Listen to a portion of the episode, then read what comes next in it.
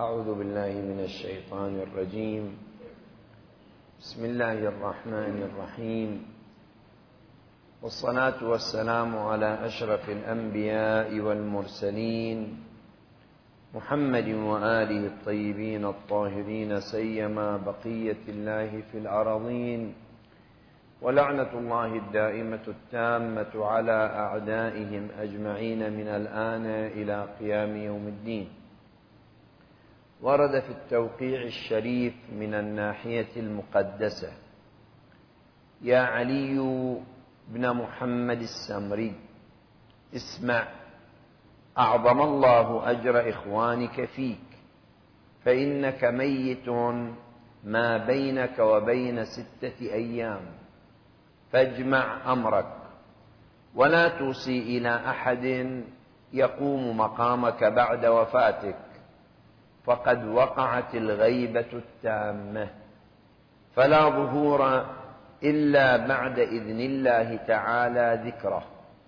وذلك بعد طول الأمد وقسوة القلوب وامتلاء الأرض جورا وسيأتي من شيعتي من يدعي المشاهدة.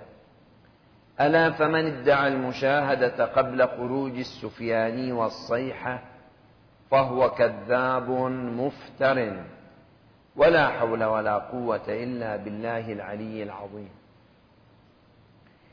بعد شهادة الإمام الحسن العسكري عليه أفضل الصلاة والسلام آلت الإمامة إلى سيدي ومولاي الإمام الحجة المنتظر روحي وأرواح العالمين لتراب حافر جواده الفدا.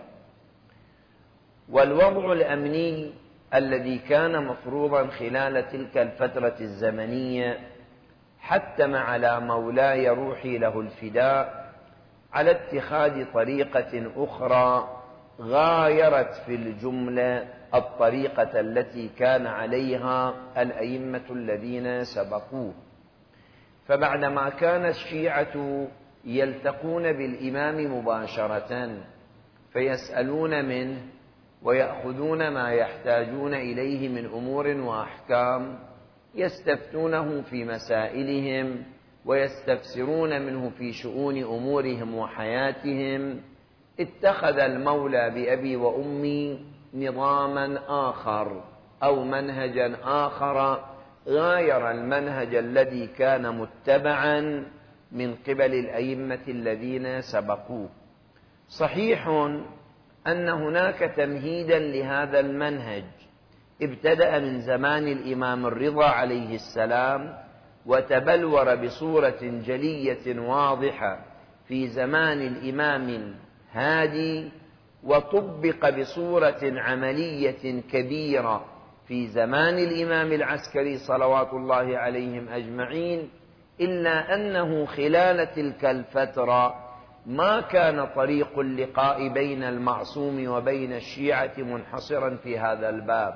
بمعنى في زمان الإمام العسكري عليه أفضل الصلاة والسلام وهو الذي كثر فيه احتجاب الإمام العسكري صلوات الله عليه عن شيعته حتى اتخذ الإمام عليه أفضل الصلاة والسلام وكلاء وسفراء. كان الشيعة يرون الإمام العسكري بشخصه. ويعرفون هذا الإمام. ولا أقل أن الشيعة كانوا ينتظرون الإمام عندما يركب إلى قصر الخلافة في كل اثنين وخميس فيرون شخص الإمام عليه أفضل الصلاة والسلام ويزدادون آه، إيمانا أو معرفة بالنظر إلى قدس نوره المبارك صلوات الله عليه. بينما في زمان إمامة الإمام المنتظر حتى هذا المقدار وهو النظر إلى قدس صفحة نور وجهه صلوات الله وسلامه عليه ليس متسنى لأحد من الشيعة. فصارت القضية قضية واسطة وارتباط بين الإمام عليه السلام وبين شيعته طبيعي الظرف الأمني كما قلت والذي فرض هذا الأمر. في خلال هذه الفترة وهي التي تقارب سبعين سنة تقريبا أو تزيد شيئا ما كان بين الإمام عليه السلام وبين شيعته وسائط. عرف هؤلاء الوسائط بالنواب أو بالسفراء أو بالوكلاء وهم أربعة من أعلى درجات الشيعة ومن أعلى انتماءات الشيعة والارتباط. وكفى أن نسمع هذه الرواية. أحمد بن إسحاق أحد أصحاب الإمام العسكري عليه السلام والمقربين. لما خرجت السفارة لغيره سأل أحد أصحابه يقول له كيف خرج الأمر إلى حسين بن روح ولم يخرج الأمر إليك؟ وأنت بالمنزلة والمكانة والمرتبة. فليش ما كنت أنت صاحب هذا الأمر؟ خصوصا وأنك أكبر سنا وأعلى منزلة ومكانة شوف كيف كان الشيعة في ذلك الوقت يعرفون حقيقة السفراء الأربعة.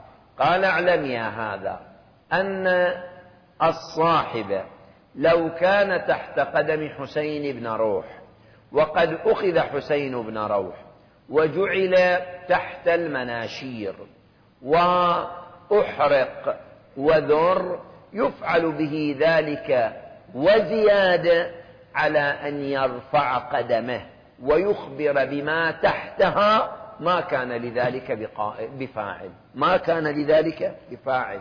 يعني وصلوا من المرتبة والمستوى الذي يحفظون, يحفظون مقام صاحب الناحية المقدسة ويحافظون عليه إلى أنهم يبذلون كل ما لديهم مهما كان ذلك المبذول كبيرا عظيما إلى آخر حفاظا على صاحب الناحية المقدسة. على أي حال أنا لست بصدد الحديث عن السفراء الأربعة فقد تحدثت عن ذلك في مجالس سابقة.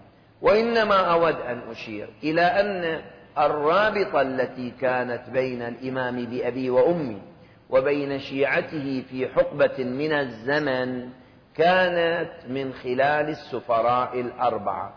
وقد كان يخرج إليهم ما كان يحتاج إليه الشيعة. يعني كانوا وسطاء.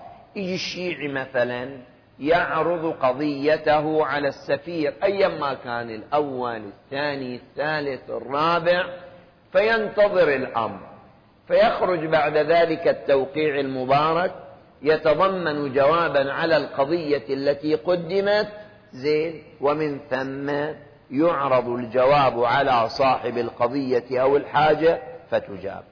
طبيعي هذا يجرنا إلى بحث كيف كان يعلم الشيعة صدق السفراء الأربعة وكيف كان يعلم السفراء الأربعة صدق ما كان يخرج إليهم. هذا بحث تطرقنا إليه في مرات ماضية. وأشرنا إلى أن هناك موازين معينة كانت معروفة. ده الكلام من زمن الإمام العسكري. سئل الإمام العسكري كنقطة أساسية في عملية المعرفة تعتمد على مسألة الخط. فسئله الإمام طيب الخط يختلف دقة وغلظة وإلى آخره أعطى الإمام عليه السلام الميزان اللي يمكن التعويل عليه. قلت تحدثنا عن فلا حاجة للتكرار. ما يهمنا قضية السفارة. بداية السفراء الأربعة كيف كان يتم تعيينهم؟ دي نقطة بس مرتبطة بمحل حديثي. السفراء الأربعة كان يتم تعيينهم من خلال طريقين.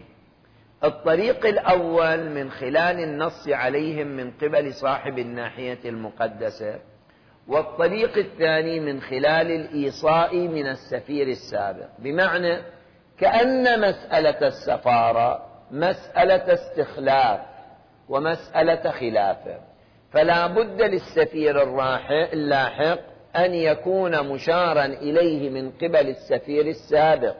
ولذلك إحدى العوامل التي تساعد على القبول بسفارة السفير اللاحق نص السفير السابق على السفير اللاحق. شوف لاحظ مثلا عندنا العمريان قد يكون واحد يدعي يمين أو يسار أب وابن وبالتالي قد تكون القضية وراثة. لكن العمري الابن محمد بن سعيد العمري ثم انتقال القضية زين إلى حسين بن روح ثم انتقال القضية إلى السمري من دون وجود ارتباط بين هؤلاء الثلاثة أو وجود أدنى علاقة. يعني وين هذا في اليمين وين هذا في اليسار. حتى لو ترجع إلى الروايات التاريخية كان الكل يتوقع أن السفارة بعد العمري الأب تكون إلى أحمد بن إسحاق اللي جبنا قصته قبل شوي. زين؟ فلما لم تكن له وكانت للعمري الابن كان الكل يتوقع أن السفارة من بعد العمري الابن سوف تكون لأحمد بن إسحاق. يموت العمري بن الابن وإذا السفارة لحسين بن روح. قالوا طيب بعد حسين بن روح راح تكون السفارة لأحمد بن إسحاق. يموت حسين بن روح وإذا السفارة إلى علي السمري. فالقضية أساسا ما كانت قضية مبنية حتى الشيعة ما كانوا يعلمون من سوف يكون السفير من بعد انتهاء أمد السفير السابق إلا بنص من السفير السابق على السفير اللاحق. ولذلك كانت القضية عملية نص. يعني أن العمري الابن الذي صدر فيه العمري وابنه ثقتان مأمونان. الإمام عليه السلام يعبر هكذا.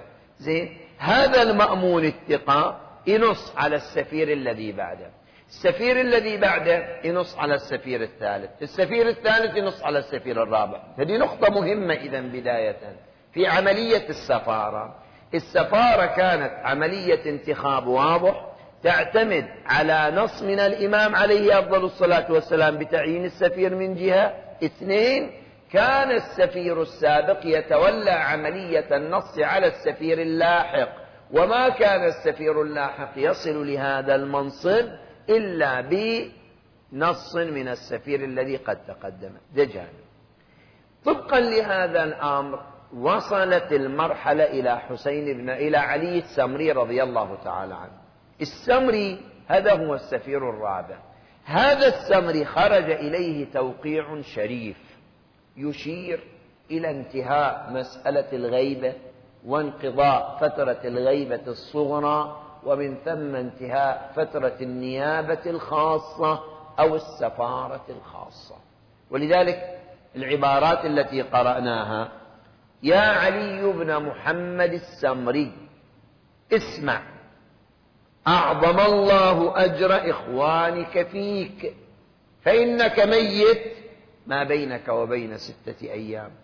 فاجمع أمرك ولا توصي إلى أحد يقوم مقامك. فقد وقعت الغيبة التامة. طبعا هذا التعبير من المولى بأبي وأمي يشير إلى مطلب مهم. أولا وقبل كل شيء الإشارة إلى انتهاء فترة السفارة الخاصة. وابتداء مرحلة جديدة لابد أن تكون. اثنين الإشارة إلى انتهاء فترة الغيبة الصغرى وابتداء فترة الغيبة الكبرى. ليش؟ لأن عندنا روايات متضافرة تتضمن أن لصاحب هذا الأمر غيبتين غيبة صغرى وغيبة كبرى مثلا في الرواية عن الإمام الصادق عليه أفضل الصلاة والسلام قال أما أن لصاحب هذا الأمر فيه غيبتين واحدة قصيرة والأخرى طويلة والتعبيرات في هذا المضمار متعددة. إذا أولا وقبل كل شيء انتهت مرحلة السفارة الخاصة بوفاة السمري علي بن محمد رضي الله تعالى عنه وابتدأنا مرحلة جديدة هنا اجينا عدة تساؤلات في مرحلة الغيبة الكبرى هل هناك سفارة خاصة لصاحب الناحية المقدسة أم لا؟ اثنين ما هي العلاقة أو ما هي الوسيلة التي يتم التعاطي بها بين الشيعة وبين إمام زمانهم صلوات الله وسلامه عليه. ثلاثة كيف نتعاطى مع الدعاوى التي تبرز بين فينة وأخرى في إثبات وجود سفارة واتصال مع الإمام صاحب الأمر؟ أرواحنا لتراب مقدمه الفداء. أربعة هل يمكن أن نعتمد على التوقيع الشريف الذي ابتدأنا به المقام لإثبات انتهاء السفارة الخاصة وابتداء النيابة العامة أو لا. إذا عندنا عدة جهات أو تساؤلات تثار في المقام. حتى نمنهج الباحث ينبغي أن نركز الحديث ضمن نقطتين أساسيتين النقطة الأولى إثبات انتهاء السفارة الخاصة وابتداء عنوان النيابة العامة. النقطة الثانية أدلة القائلين ببقاء السفارة الخاصة واستمرارها حتى في زمان الغيبة الكبرى. هذه نقطة مهمة. قبل كل شيء أود أن أركز على أمر. أكرر بأن لصاحب هذا الأمر كما يستفاد من النصوص غيبتين غيبة صغرى وغيبة كبرى. طبيعي جدا أن لهاتين الغيبتين نقاط اشتراك ونقاط اختلاف. يعني هاتان الغيبتان لا بد أن يكون بينهما امتيازا. وأن يكون بينهما فروقا واختلافات وإلا ما لم يكن بين الغيبتين فروقا واختلافات لن يكون هناك أي معنى لتمييز الغيبة الأولى عن الغيبة الثانية. حتى تتميز الغيبة الأولى عن الغيبة الثانية لا بد من ملاحظة ما هي الفروق بين الغيبة الأولى والغيبة الثانية. إذا قلنا مثلا بأن السفارة الخاصة على سبيل المثال كما كانت موجودة في الغيبة الصغرى فهي موجودة أيضا في الغيبة الكبرى.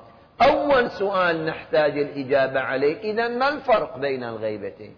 إذا كان نفس المنهج متبعا في الغيبة الصغرى ومتبعا في الغيبة الكبرى شو الفارق بين الغيبتين؟ خلاص القضية قضية غيبة واحدة. المولى بأبي وأمي غائب وما دام غائبا فبالتالي المنهج المتبع هو هذا الأمر. النتيجة هي النتيجة. المستفاد من الروايات عرض نوعين من الغيبة. غيبة صغيرة وغيبة كبيرة. غيبة قصيرة وغيبة طويلة. هذا البيان عادة يقول التقسيم قاطع للشركة. يعني يشير إلى أن هذه تختلف عن هذه.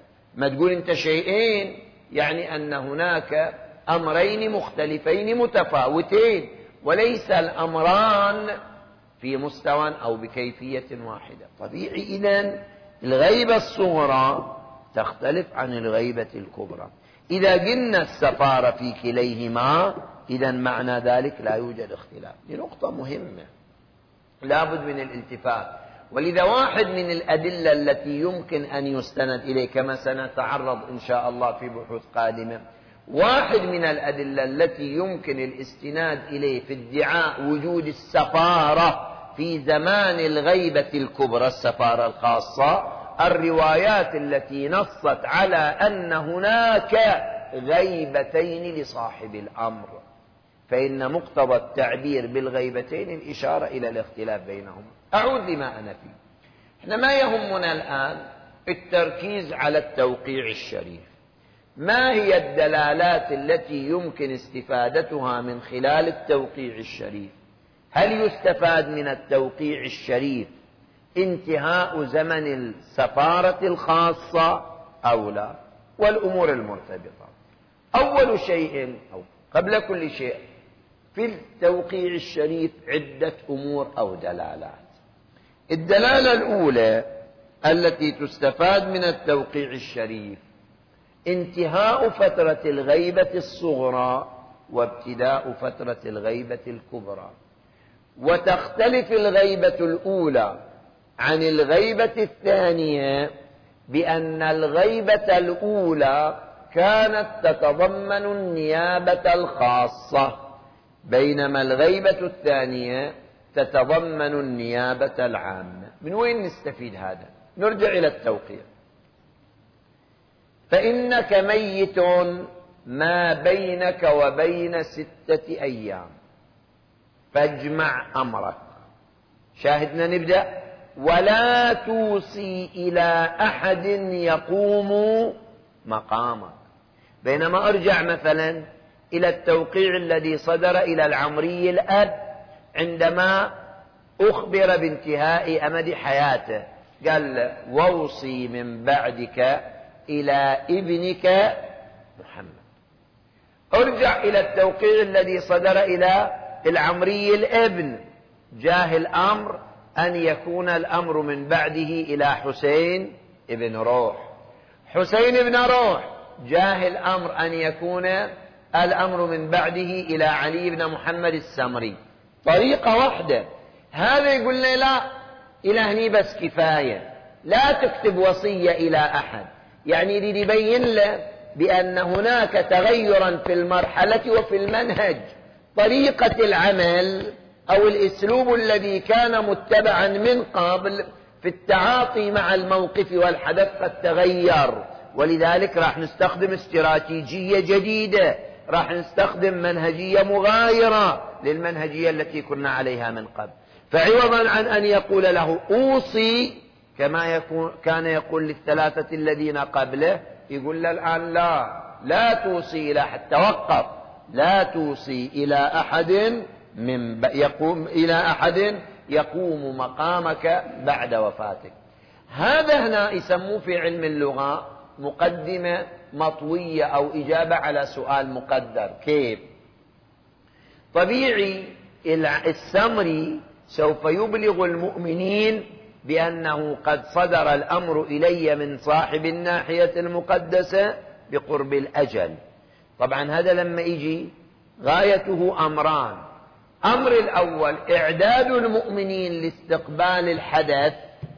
أمر الثاني استغلال الفرصة. يعني يريد يقول لهم ترى أنا بعد أيام أموت. أي شيء عندكم تبغوا تستغلوا الفرصة تخاطبوا الناحية المقدسة جيبوه. لا تتوانوا لا تتمهلوا. ترى أنا أيام تنتهي. ليش هذا نسميه مقدمة مطوية؟ لأن في البين سؤالا سوف يطرح. عندما يذاع الخبر بأن السمري قد نعيت إليه نفسه طبيعي سوف يكون السؤال الصادر من الشيعة حينئذ. وإلى من الأمر من بعده؟ السؤال إلى من الأمر من بعده؟ لأنهم كانوا ملتزمين أو يعلمون بأن الذين تقدموا السمري عندما تنعى إليه نفسه يوصي بالأمر إلى فرد يكون بعده. ولذلك السؤال راح يطرح. إلى من الأمر من بعده؟ يجاوبهم السمري قد أمرت ألا أوصي إلى أحد. هذه صدمة إيمانية. ليش لا أوصي إلى أحد لأنها وقعت الغيبة الكبرى؟ الآن دخلنا في مرحلة جديدة استراتيجية جديدة في منهجية العمل وبالتالي تختلف عن الاستراتيجية السابقة. ليش لا توصي إلى أحد لأنها وقعت الغيبة التامة؟ يعني كأن تلك كانت مرحلة خاصة فترة عمل محددة لغاية معينة الآن انتهت للغاية بدلت بدأنا في مرحلة جديدة تختلف عن المرحلة السابقة. ولذلك قلت هذا يشير إلى أن هناك تفاوتا واختلافا بين الغيبتين. وهذا التعبير أحد الشواهد أو الأدلة التي تثبت انتفاء السفارة في زمن الغيبة الكبرى. وكذب كل من يدعي الارتباط والصلة المباشرة بصاحب الناحية المقدسة عن علم ومعرفة. لنقطة مهمة. إذا ده جانب. إذا هذا التعبير عندما يقول لا توصي يشير إلى أن فترة الغيبة الصغرى قد انتهت وبدت الغيبة الكبرى وبالتالي لا مجال إلى عملية الإيصال مع وجود الفاروق آه هذا أمر. أمر آخر ينبغي الالتفات له. ليش الإمام يقول لا توصي؟ لأننا قلنا بأن المقام مقام مغايرة بين المرحلتين أو الغيبتين. جعل نيابة خاصة في مرحلة الغيبة الكبرى يتنافى وصفات الغيبة الكبرى. كيف؟ واحدة من القضايا التي ستجعل في الغيبة الكبرى هي النيابة العامة وأما الحوادث الواقعة فارجعوا فيها إلى رواة حديثنا فإنهم حجتي عليكم وأنا حجة الله. هذا التعبير يشير إلى أن هناك نيابة عامة قد جعلها المولى بأبي وأمي في زمان الغيبة الكبرى. جعل النيابة الخاصة ينافي جعل النيابة العامة. أقرب لك بمثال. الآن في هذا المسجد لو أنا عينت لك شخصين قلت بأن هذين الشخصين يمكنهما أن يجيبا على أسئلتكم. وفي نفس الوقت أنا مسكت زاوية وجلست وقلت أنا أيضا موجود سوف أتصدى للإجابة على أسئلتكم. تتوقع أحد بيتوجه إلى الشخصين للسؤال منهما مع وجود إمام المسجد وتصديه للإجابة على المسائل؟ طبيعي لا. من باب نفس المعنى انطبق على موردنا. إذا وجدت الغيبة الكبرى وجعلت النيابة العامة للفقهاء النيابة العامة للفقهاء تستدعي أن يجيب الفقهاء على مسائل الناس بالأحكام الظاهرية. ما يقدر يحرز الواقع مية في المية. وفي نفس الوقت عندنا ألف الذي يتصل مع الإمام عليه السلام مباشرة فيمكنه أن يجيب على مسألة هذا الرجل بحكم الله الواقعي.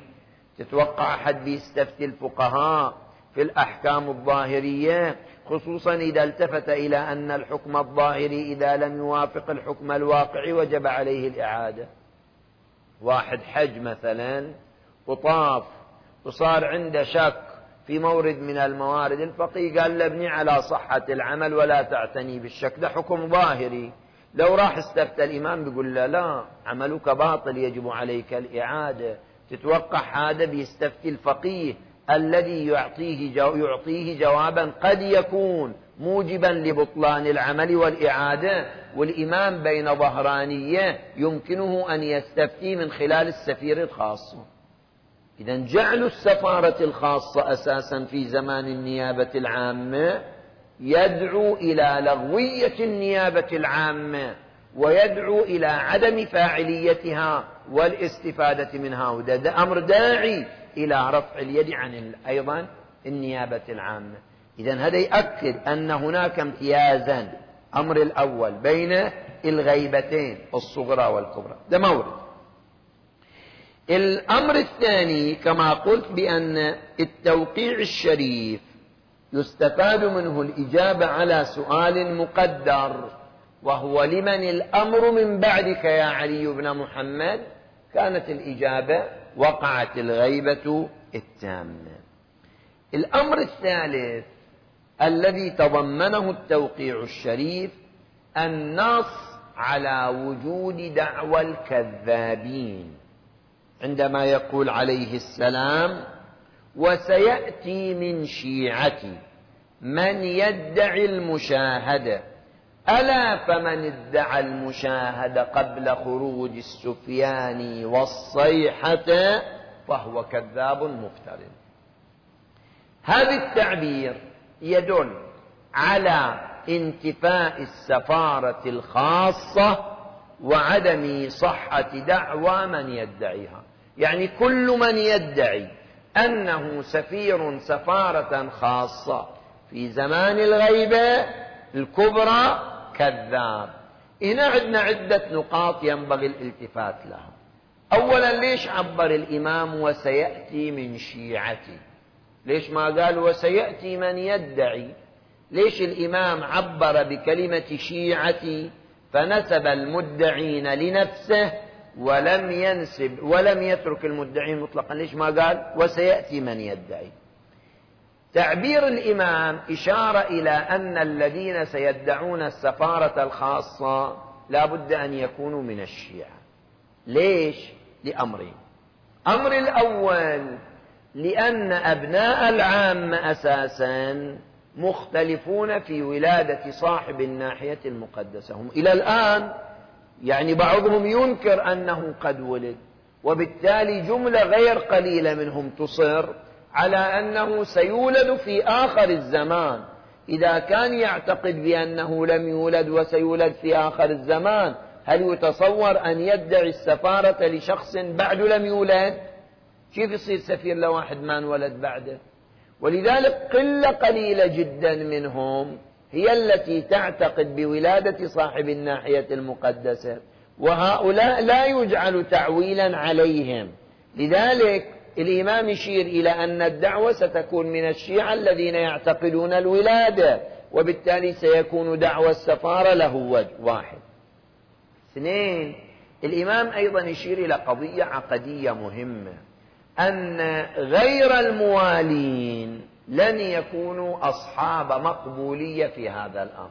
تتصور واحد الآن من جماعة ابن تيمية وجدع بأنه سفير الناحية المقدسة. تتوقع الشيعة يصدقونه أو يعولون عليه أو يقبلون مقالته؟ طبيعة الانتماء المذهبي والانتماء الشيعي الموجود عند الشيعة أنهم لا يصدقون من لم يكن منتميا إلى ولاية أهل البيت عليهم السلام.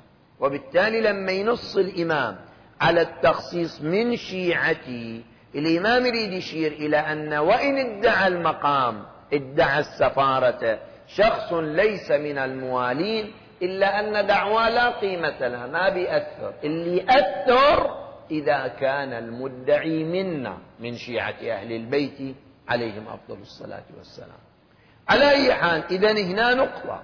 الإمام عليه أفضل الصلاة والسلام يقدم إخبارا غيبيا عن دعوى سوف تكون في فترة من الفترات. بعدما قال الإمام عليه السلام بانتهاء أمد السفارة الخاصة يقرر بأن هناك من سوف يدعي السفارة ومن سوف يدعي الاتصال بالناحية المقدسة. الإمام أعطى بأن المدعين كذابين. طبعا حدد أن الذين يدعون السفارة قبل السفياني وقبل الصيحة كأنه أعطى أمد. يعني من ادعى السفارة بعد ظهور السفياني وبعد وقوع الصيحة ليس كذابا. هناك أمد زمني. من هالفترة من وقت وفاة علي بن محمد السمري إلى وقت ظهور السفياني وحصول الصيحة في السماء خلال هالمدة الزمنية كل من يدعي السفارة فهو كذاب. كل من يدعي السفارة الخاصة فهو كذاب لا مجال له. هذه نقطة. أمر آخر لقائل أن يقول بأن العبارة المذكورة لا دلالة لها على نفي السفارة الخاصة. دلالة العبارة المذكورة على نفي المشاهدة. لأن الرواية ماذا تقول؟ من ادعى المشاهدة والمقصود من المشاهدة الرؤية. يعني من ادعى رؤية صاحب الناحية المقدسة قبل حلول الصيحة قبل ظهور السفياني كذبوه. وهذا ما إلى ربط بقضية السفارة. هذا الكلام مردود. ليش؟ عندنا مجموعة من القرائن تساعد على كون المقصود من المشاهدة في الرواية هي السفارة. أشير لبعض تلك القرائن. أولا ما هو موضوع التوقيع الشريف؟ موضوع التوقيع الشريف يمثل قرينة داخلية على تفسير بعضه بعضا. موضوع التوقيع الشريف عبارة عن انتهاء الغيبة الصغرى وابتداء الغيبة الكبرى. موضوع التوقيع الشريف انتهاء فترة السفارة الخاصة وابتداء فترة النيابة العامة. إذا الإمام عندما يتحدث يتحدث عن نفي المشاهدة التي تتضمن دعوى السفارة الخاصة. أي مشاهدة المشاهدة التي تشتمل على دعوى السفارة الخاصة. وليس الإمام عليه السلام بصدد الحديث عن نفي المشاهدة مطلقا. ليش؟ لأن الأربعة السفراء رضي الله تعالى عنهم كانوا يدعون المشاهدة والسفارة. فالإمام الآن يريد يقرر انتفاء المشاهدة والسفارة. فيقرر أن من جاء يدعي المشاهدة على أنه سفير كذاب مفتر هؤلاء كانوا يقررون المشاهدة مع السفارة وهم صادقون. غيرهم كذاب مفتر إذا هذه قرينة. أن الموضوع الذي يتحدث عنه التوقيع الشريف يستدعي أن يكون المقام مقام تحديد للمشاهدة بالمشاهدة التي تتضمن دعوى السفارة. ده واحد. اثنين خلينا نستفيد شيئا ما من اللغة العربية عندما يقول عليه أفضل الصلاة والسلام فمن ادعى المشاهدة هذه اللام في كلمة المشاهدة ما هي؟ هل هي لام جنسية أم أنها لام عهدية؟ زين إذا كانت لاما جنسية فماذا يقصد بها؟ إذا كانت لاما عهدية ماذا يقصد بها؟ قد يسأل سائل شو الفارق بينهما؟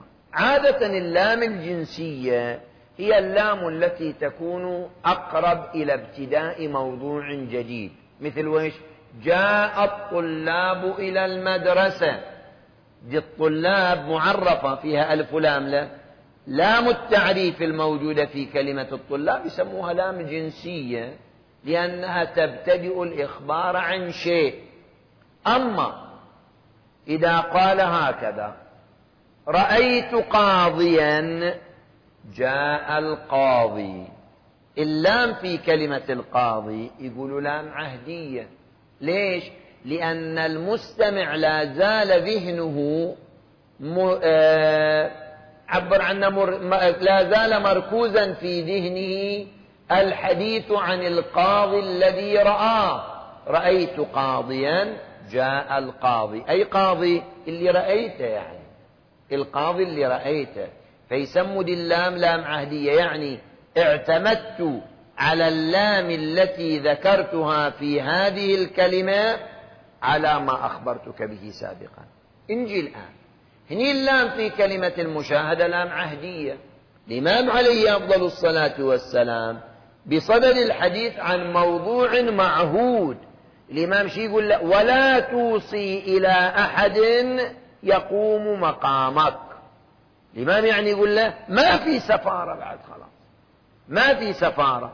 ففي كلام معهود بين الإمام عليه السلام وبين علي بن محمد السمري من جهة أو بين الإمام عليه السلام وبين شيعته. هذا الكلام المعهود استفاد من الإمام. فمن ادعى المشاهدة. أي مشاهدة؟ المشاهدة المعهودة. أي المشاهدة المعهودة؟ السفارة. مو أنا قاعد أساسا أتكلم عن السفارة. فبالتالي اللام لام عهد مرتبطة بالحديث عن السفارة. وتعود إلى مسألة السفارة. فالإمام عليه أفضل الصلاة والسلام هو بصدد نفي تلك السفارة التي كانت موجودة إلى زمن علي بن محمد السمري والآن الإمام عليه أفضل الصلاة والسلام يريد أن ينفيها. فإذا هذه قرينة ثانية تساعد على أن المقام مقام انتفاء السفارة.